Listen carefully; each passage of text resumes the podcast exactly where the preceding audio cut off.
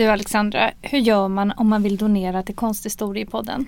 Jo, då går man in på vår Instagram-sida och så går man in på länk i bio och där finns det en knapp som heter Ge en slant till Konsthistoriepodden och den klickar man på.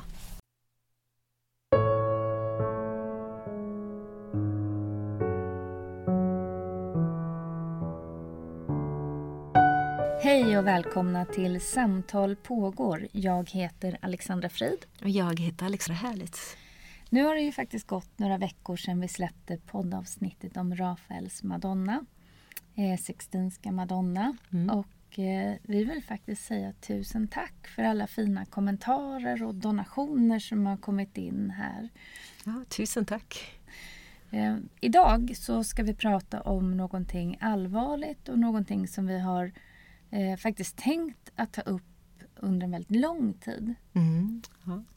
Och eh, det är också någonting som vi inte heller är helt ens, eller vi är inte överens om egentligen vad vi, vad vi tycker om det här. Hur som helst, vi har ju sett, vi har ju pratat om många olika verk nu och flera av dessa verk och flera av konstnärer som vi pratar om har ju blivit utsatta för olika typer av eh, aktioner. aktioner får vi säga. Jag vill säga attentat. Men vi, vi eh, olika aktioner för att skapa uppmärksamhet eh, om klimatkrisen. Ja, för det är ju flera av de här verken som vi har pratat om i tidigare poddar som har utsatts. Och bland annat då Leonardos Mona Lisa som har tårta på sig mm. och så är det um, Vermeers Flicka med pärlörhängen.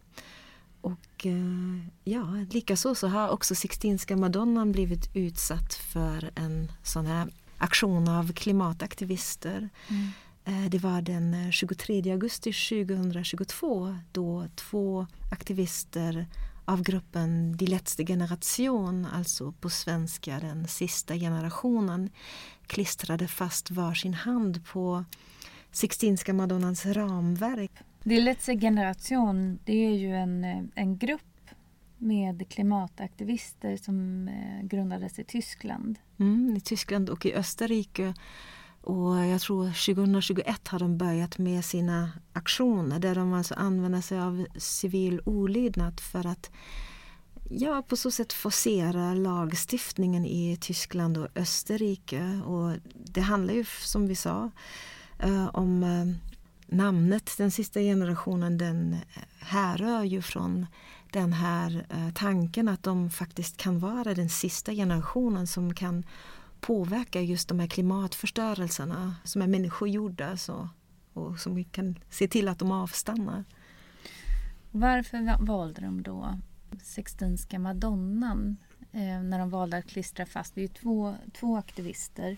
De är ganska unga, de är 20-årsåldern ungefär. Ja eh, som har klistrat fast sina händer på ramen eh, till Sixtinska madonnan. Då var det ju eh, en talesperson från den här organisationen som, som gjorde lite så som vi gjorde egentligen i, eh, i, i podden när vi pratade om att Maria liksom, och Jesusbarnet ser in i framtiden. Och istället för att de har sin blick mot Jesus, alltså krucifixet mitt emot så, så är det istället framtiden som Maria och Jesusbarnet ser. Och att de är så, så oroliga då för vad som kommer att hända eh, på grund av eh, den glo globala uppvärmningen. Och... Ja, och det kan man ju fundera det det är ju så att de, de gör ju väldigt många olika typer av aktioner. De, de klistrar fast sig på motorvägar också för att ja, hindra trafiken och så vidare. Eh, men just de här aktionerna där de klistrar fast sig på konstverk eller kastar soppa eller vad det är mm. mot, eh, mot konsten. Det är ju de um, aktionerna som får väldigt mycket uppmärksamhet och, mm. um, och stora rubriker i tidningen. Mm. Och det förstår man ju också eftersom det, är så, liksom, det handlar om högt värderade konstverk.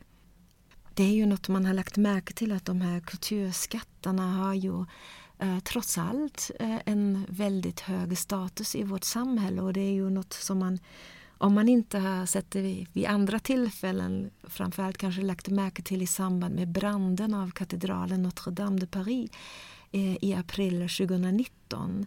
Eh, för det var ju så att taket och den här spiran kollapsade och då tog det ju väldigt kort tid innan man kunde skaka fram miljonbelopp för att eh, rekonstruera taket och för att mm.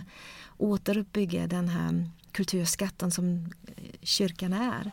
Och, ja, och det, är ju, det är ju sådant som man har tagit lärdomar av när man som en aktivistgrupp då bestämt sig för att klistra fast sig vid ett konstverk. För det, det skapar ett, ett stort intresse och stora rubriker. Mm. Men på visst sätt så är det en typ av terrorism. Nu ska du polarisera.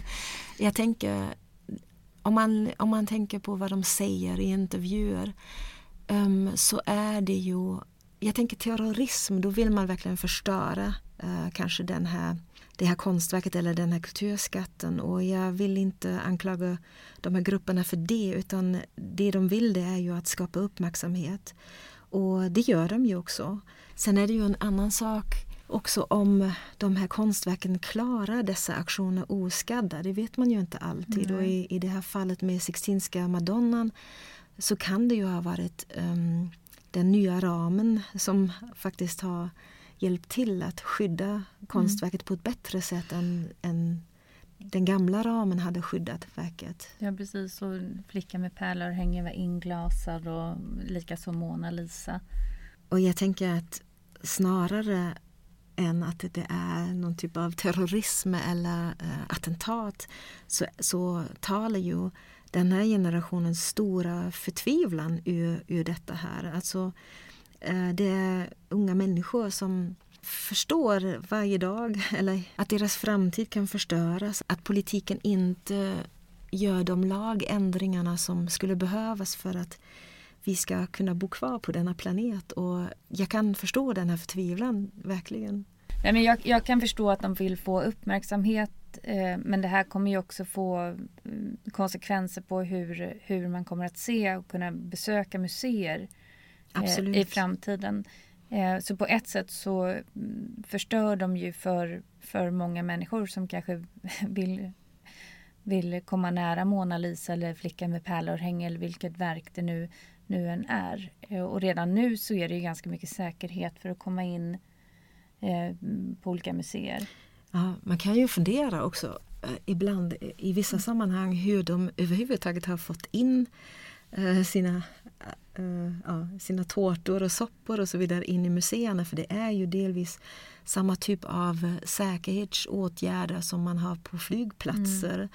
Mm. Um, men sen sådana konstverk som just Jan Vermeer, Flickan med pärlörhänge på Mauritshus i, i Haag. Det är ju, man kommer ju så otroligt nära det här konstverket. Det, det är ju inte alls som Mona Lisa där man nästan inte kan se konstverket för man står så långt borta och ser mm. bara sin egen reflektion i det här glaset. Men sådana målningar kan vi kanske inte se på det här sättet i framtiden. Det, och det är ju väldigt, det är väldigt det är, sorgligt. Ja, det är fruktansvärt sorgligt ja. om man tänker på hur, hur mycket det berikar. Mm. Och just Vermeers målningar som ju är dagsaktuella nu mm. med den utställningen som pågår i, på Rijksmuseum i Amsterdam där dagligen nästan deras server kraschar för att folk försöker få biljetter. Ja, och inte ens vi, Konsthistoriepodden, har lyckats få biljetter. Nej, eh, precis. Vi är inte det minsta bittra. Ja, nej men just så, för mig, han målade ju ganska småskaliga mm. verk och det är ja. ju av stor betydelse att man kommer nära dem. Och det är ju det kan man kanske inte i framtiden. Nej, och då undrar man om, om det verkligen är värt det att skapa den här typen av uppmärksamhet med dessa aktioner mot konstverk. Eh, frågan är om det blir rätt uppmärksamhet.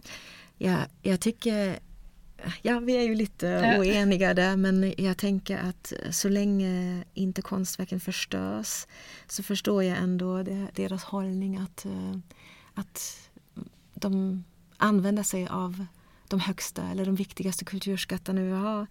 Eh, men det är ju det att man aldrig vet hur det går. Jag vet inte om de om man vet till, eller om de här grupperna vet tillräckligt mycket om vilken typ av ram och så vidare som finns mm. på verket. Det kan ju mycket väl bli så att konstverk blir förstörda. Mm. Men sen å andra sidan är det här inget som är ett problem som vi inte haft tidigare om man tänker på de här syreattackerna som gjordes ja. redan under 1900-talet på Duras konstverk och så vidare. Så, och också på Mona Lisa ja. bland annat. Ja. Så det är ju inget, um, inget nytt på det sättet. Vi eh, har ju ett väldigt roligt event framför oss. Eh, vi ska ju ha en livepodd i och med Vetenskapsfestivalen i Göteborg den 22 april klockan 14.30 så kommer vi faktiskt att ha en livepodd eh, mitt i Nordstan. Ja, och där ska vi återgå till den allra första podden som vi någonsin gjorde, nämligen eh, just Jan Vermeers Flicka med pärlörhänge. Mm. Målet är att vi ska leverera en livepodd som är Flicka med pärlörhänge 2.0. Ja. som vi hoppas ska vara rolig för, för många att lyssna på. Ja, och kanske många nya lyssnare som inte har hittat oss på det här sättet. Så kom till Nordstrand den 22 april klockan 14.30. Ja. Vi hoppas ni ska få en trevlig helg. Njut av snön. Och njut av konsten. Hej då.